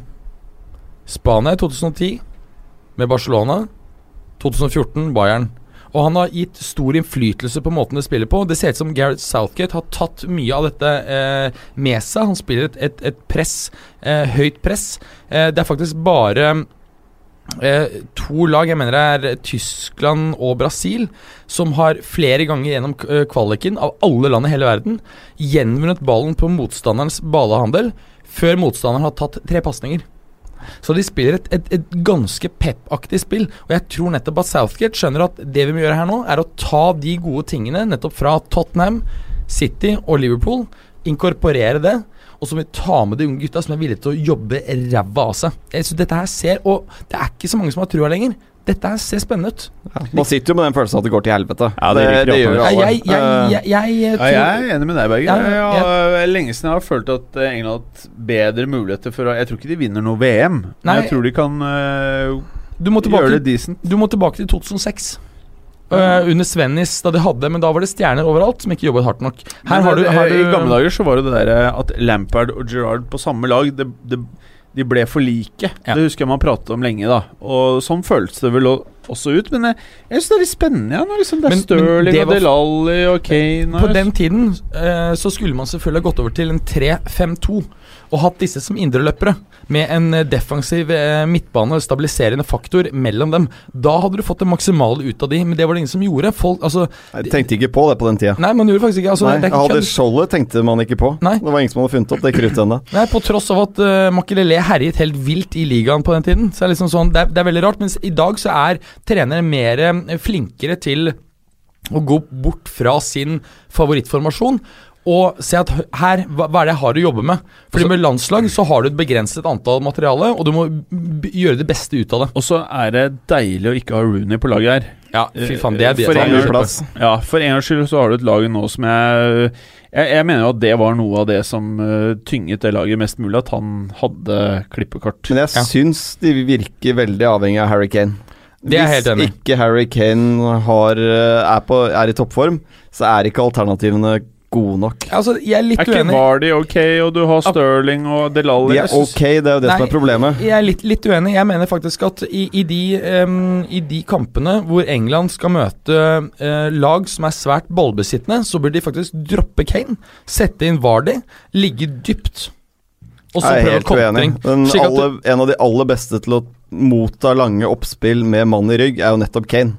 Og da må du ha Altså Ligger du dypt, så må du ha en som kan holde på ballen. Så har han brukbar tempo også, og har faktisk en litt undervurdert pasningsfot. Men han har ikke Vardis eh, sprint. Og den, Nei, altså, og, du må ha en som kan ta imot ballen og spille gjennom f.eks. Stirling, da. Hvis det er den approachen de velger. Ja, kanskje. Men eh, apropos det Men jeg sa med hensyn til å, å, ta ballen fra motstanderen på deres handel, så er det, var det um, Spania og Tyskland som er det eneste som har gjort det flere ganger i, eh, før det har gått tre pasninger Ja. i kvaliken. Så det det jeg, jeg mener at spillemessig så ser det betydelig bedre ut enn det har gjort tidligere. Så jeg, jeg tror at de, de eh, soleklart går videre. Jeg tror de, de Denne gruppen her er på mange måter litt uinteressant før vi kommer til før vi kommer til oppgjøret England-Belgia. Det er 28. juni. Eh, kan bare gå raskt på altså Tunisia, who the fuck cares? Eh, Panama, aldri vært i VM før. Eldste Tapte for Norge. Tapte for Norge. Ekstremt trege. Ingen Det er bryr seg om det. ikke en annen gruppe som har to klarere gruppefavoritter enn den gruppen Nei, her. det er, her er det kun spørsmål om hvem som kommer på første, og hvem som kommer på andre. Og det avgjøres etter alle eh, solemerker eh, 28. juni. Gallosen. Mm. Group H. Polen. Deres alle kjære hipsterfavoritas. Senegal, Colombia og Japan eller Japan, ut ifra hvordan man velger å legge trykket. Det er så digg gruppe, det. Ja, det Eh, er Dere snakka om dødens gruppe tidligere. Det her, her kan alle laga vinne gruppa. Ja. Bortsett fra Japan, kanskje. Nei, Japan kan vinne den gruppen. Kan de det? Ja. Fortell meg hvorfor. Uh, nei, men Det er fort gjort å le av dem, men uh, rett og slett fordi de Ja, de er er, Japan? de, ja, de er Japan. Uh, det er jo ikke noen fotballnasjon på den måten som de tre andre er her, men de har faktisk, hvis du ser på troppen, så er det gode spillere over hele fjøla. Det er uh, veldig hardtarbeidende gjeng. Det er litt sånn skandinavisk uh, Asia-lag. Eh, sånn som uh, si Norge, Sverige, Danmark var for 15-20 år siden, da, da du visste at det er ikke de beste spillerne, men det er i disse gode europeiske klubbene av en grunn, og laget fungerer fordi de jobber eh, knallhardt. Eh, Japan satser på hardt arbeid og system heller enn eh, talent, og har kvalitetene til å nå eh, sluttspillet her. De kommer ikke til å bli latterliggjort i noen av kampene. Når det er sagt- Tyskinspirert, da. Mye tysklandsproffer. ja, det kan være derfor jeg, Jeg syns også dette her kanskje er den feteste gruppen uh, Den er helt åpen. Uh, jeg er enig. Jeg er litt med Du ga meg ja, gode jeg, argumenter for Japan nå, at dette her faktisk blir spennende mellom fire lag, og ikke bare tre. Når det er sagt, så har jeg plassert dem sist. Ja. Uh, jeg tror minst på dem, men eh, de er absolutt med i den kampen eh, før de har begynt å spille fotball, i hvert fall. Men jeg er litt usikker på hvor bra er egentlig Polen? Polen er skamsexy, Å, og jeg tror de vinner gruppe. Oh, ja? Eh, det er god miks av uh, unge spillere og rutine. Um, både Lewandowski og Waszikovskij kommer antagelig til å runde 100 landskamper i løpet av VM. Uh, du har etablerte spillere i toppklubber rundt omkring. Eh, du har et par gutter i Napoli, du har Lewandowski selvfølgelig. Du har spillere i England, Tyskland, Frankrike, Italia som, som gjør um, Gjør en eh, viktig greie for toppklubbene i de beste ligaene. Eh, usikkerheten her er jo kampformen til Arkadiusz Milik og Kamil Glik. Uh, Sistnevnte var jo egentlig ute. Uh, hele Polen og mesteparten av verden som liker å se monsterstoppere, uh, gråter jo, men nå er han kalt inn igjen, friskmeldt. Uh, er ikke sikkert han spiller alle kampene, men han er med og kommer til å spille. Milik har jo knapt spilt fotball de siste årene, men er med i troppen, han også. Eh, spennende å se hva han har å bidra med. Hva heter han defensiv midten der igjen? Krychowiak. Ja, Som alle trodde skulle bli Helt kjempehot i Ja. PSG. Og så ble han knukket, og så knekkes han videre, eller? Jeg vet ikke. Det er noe annet. eh, Noen som nevnte i stad, det er andre spilleregler når det er eh, landslag. Ja, ja. Og rollen hans i, i det polske landslaget er Han er en av sjefene. Ja. Eh, sammen på midten der, sammen med Husker jeg ikke Med Zielinski, antagelig. Pjotr Zielinski fra Napoli. Mm. Mm, det er, Men, eh, kan jeg bare avbryte ett lite øyeblikk? Og Mm. Det er jo en spiller som du tror jeg ikke har nevnt i angrepet. Uh, og det er jo nettopp David uh, Kovnaki. ja, jeg skulle inn på han faktisk. Nylig kommet inn på landslaget, men strålende sesong for uh, Sampdoria. Ja. Og eh, Kjempespennende spiller. de har jo uansett Lewandowski. uh, har de også en fungerende Milik, så er jo det selvfølgelig en enorm bonus, og noe som kan vippe dem fra si uh, tredjeplass i gruppa til kvartfinale. Men uh, Men han kan Milik, fort hadde han spilt samtidig som Leva, eller han vært Gjorde det i EM. Ja, ok. Men, men vi må si litt om han, Kovnatski, er det det uttales? Jeg tror det. Jeg tror, okay, ja. Fordi han, eh, han eh, kom til Sampdoria i fjor. Han har ikke spilt fast på laget. Han bare, kom som tror han bare akkurat har fylt uh, 20 år, eller noe sånt. Fylte 21 i mars. I mars. eh, mars. Og um, i forhold til hvor mye han har spilt, og at han bare på en måte har vært innbytter, han har vært sakte inkorporert i, i, uh, i laget. Uh, utrolig imponerende. Dødelig, sterk i kroppen. Høy, god på hodet. Selvfølgelig en uferdig spiller, men eh, det er også en spiller som plutselig Fordi Lewandowski er flink til å skape sjanser for andre. Mm. Plutselig fungerer ikke Milik, eh, og da er det han. Så altså, Plutselig skal det være han som på en måte er et virkelig hot objekt eh, eh, her. Sampdoria for øvrig, altså vi må gi dem litt kred. Det er bare popper det opp fete talenter eh, under eh, Marco Giampaolo eh, nå hele tiden, altså. Og et av disse er jo Karol Linetti, når vi først snakker om Sampdoria og Polen. Eh, nummer åtte på midtbanen der. Han kommer også til å være en mann å se opp for i mesterskapet. Så Polen, det er lett å se seg blind på at det er masse tsjekk og viak og ski, men eh, ser man litt nøyere på navnet, så er dette et veldig, veldig bra fotballag i sin beste alder. Um, jeg har dem som gruppevinner, men Colombia er det ikke mye kødd med heller, altså. Det er jo veldig mye av det samme laget som var så deilig i Brasil. Mm. Eh, samme José Pekermann fortsatt ved roret. Eh, nå var jo de fleste av disse gutta hetere for eh, både to og tre og ikke minst fire år siden. Eh, Ja, ikke Hames, syns jeg. Han øh, hadde jo øh, Hadde ikke den samme sesongen bak seg i Monaco som han nå har hatt bak seg, spesielt de siste seks månedene i, i Bayern. Eh, men det som er interessant med gruppen, er at du har tre lag som er Som virkelig kan være sjarmerende, både i Polen, Senegal og Colombia. Japan, Japan. har jeg ja, det er, altså Kausuke Du- Honda har jo du- dratt du var på dass da vi snakka om Japan. ja, okay. Men, eh, men, altså, ikke en gang til, nevnt, ikke mer. Du nevnte at Kausuke Honda spiller i Mexico. Nei. Nei, Han spiller faktisk i Mexico. Det er Men- litt, litt fett med Mexico. Var han med på festen? Nei, nei, for det var en landslagsfest. Okay, ja. Men det er litt kult med Li, Li- og det underbygger nettopp det jeg sa, at det er ganske godt betalt. Du har også han Pierre eh, Gignac, franske, som Men vi må ikke spore her, Ja, ja, det er litt spennende, men Ja. vi må ikke spore her. Også Kaisuke Honda, som spiller der. Ja. Mm. Eh, men Colombia, da. Eh, veldig mye av de samme fra forrige gang. Noen nye karer er det, men mest gledelig er det jo at eh, Radamel Falcao faktisk skal få spille et VM. da. Og eh, ikke bare det, han har jo vært heit denne sesongen òg, så der har de et nytt våpen, rett og slett, fra det som fungerte så bra for fire år siden. Eh, Colombia blir knallbra, og jeg tror de går videre. På bekostning, dessverre, av Senegal, men i denne gruppa her kan alt skje. Du tror det? Jeg, jeg har Mm. faktisk nemlig hatt at eh, Polen eh, ryker. Ja, men eh, som jeg nevnte innledningsvis her, alle laga kan egentlig gå videre. Mm. Det betyr også at alle kan ryke. Men- Eh, mine heiteste er Polen og Colombia, men eh, den troppen til Senegal er dritdeilig. Men Colombia, hvor bra er de? Er de et eh, lag som kan gå langt i VM? Ja, kommer de seg først videre, så i enkeltkamper så er det ikke mange Det er ingen som vil møte Colombia i, i sluttspillet. Um, og enkeltspillerne Altså, de som har det lille ekstra, har veldig mye ekstra. Uh, hvis du skal snakke sånn tunge 0-0-kamper og sånn, og hvem som skal bli den såkalte tunga på vektskåla, så er en gjeng med Cuadrado, Hames, Falcao osv. framover der til å regne med mot hvem som helst. Bra. Ok, folkens. Eh, det er jo I forbindelse med VM så har vel stort sett alle som har en jobb, har vel fått sånne fæle X-like sendt inn på mailen eller på WhatsApp-grupper etc., etc. Og en av de tingene man ofte får, er jo hvem er det som blir toppscorer i VM? Eh, hva tror du, Preben?